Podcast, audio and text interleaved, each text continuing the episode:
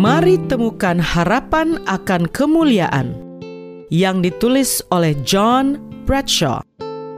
Melalui renungan pagi ini, kita akan dituntun untuk menemukan kasih Allah yang menyelamatkan. Bersama Mana Multimedia Ministry, selamat mendengarkan. Shalom, selamat pagi saudaraku.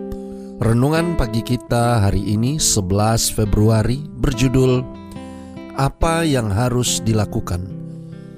Ayat intinya diambil dari Yesaya 58 ayat 7. Demikian firman Tuhan. Supaya engkau memecah-mecah rotimu bagi orang yang lapar dan membawa ke rumahmu orang miskin yang tak punya rumah. Dan apabila engkau melihat orang telanjang, supaya engkau memberi dia pakaian dan tidak menyembunyikan diri terhadap saudaramu sendiri. Bersama saya, Pendeta Andri Daembani. Mari kita dengarkan penjelasannya. Setelah tornado dahsyat merobek kota Oklahoma, orang-orang keluar dari reruntuhan untuk membantu mereka yang membutuhkan. Seorang pria yang bergabung dengan tim lain untuk menyaring puing-puing dan menyelamatkan banyak orang, berkata sesudahnya, "Rasanya senang bisa membantu." Ada satu perasaan tersendiri saat melakukan sesuatu untuk orang lain yang membawa berkat di belakangnya. Allah mendorong kita untuk berbagi roti kita dengan yang lapar, untuk merawat orang miskin yang diusir dan untuk memberi pakaian kepada yang telanjang. Psikolog mengatakan itu adalah hal baik bagi kesehatan mental seseorang untuk terlibat dalam membantu orang lain. Ada reaksi yang terjadi yang membawa berkat bagi orang yang memberkati orang lain. Dan mungkin di sinilah iman kepada Tuhan paling tulus diungkapkan. Tidak perlu banyak untuk mengklaim memiliki iman kepada Tuhan, tetapi demonstrasi kepedulian yang tidak tertarik terhadap sesama manusia memberikan bukti bahwa iman itu nyata dan bukan hanya teori. Yakobus menekankan hal ini dalam Yakobus 2 ayat 15 sampai yang ke-17. Jika seorang saudara atau saudari tidak mempunyai pakaian, dan kekurangan makanan sehari-hari, dan seorang dari antara kamu berkata, "Selamat jalan, kenakanlah kain panas dan makanlah sampai kenyang." Tetapi ia tidak memberikan kepadanya apa yang perlu bagi tubuhnya. Apakah gunanya itu? Demikian juga halnya dengan iman.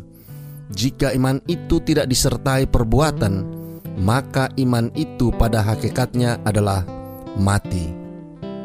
Saudara-saudara yang kekasih di dalam Tuhan, kesempatan yang diberikan Allah untuk mengubah iman kita menjadi tindakan menunjukkan kepada orang lain bahwa apa yang kita percayai tidak berpusat pada diri sendiri, tetapi berpusat pada orang lain.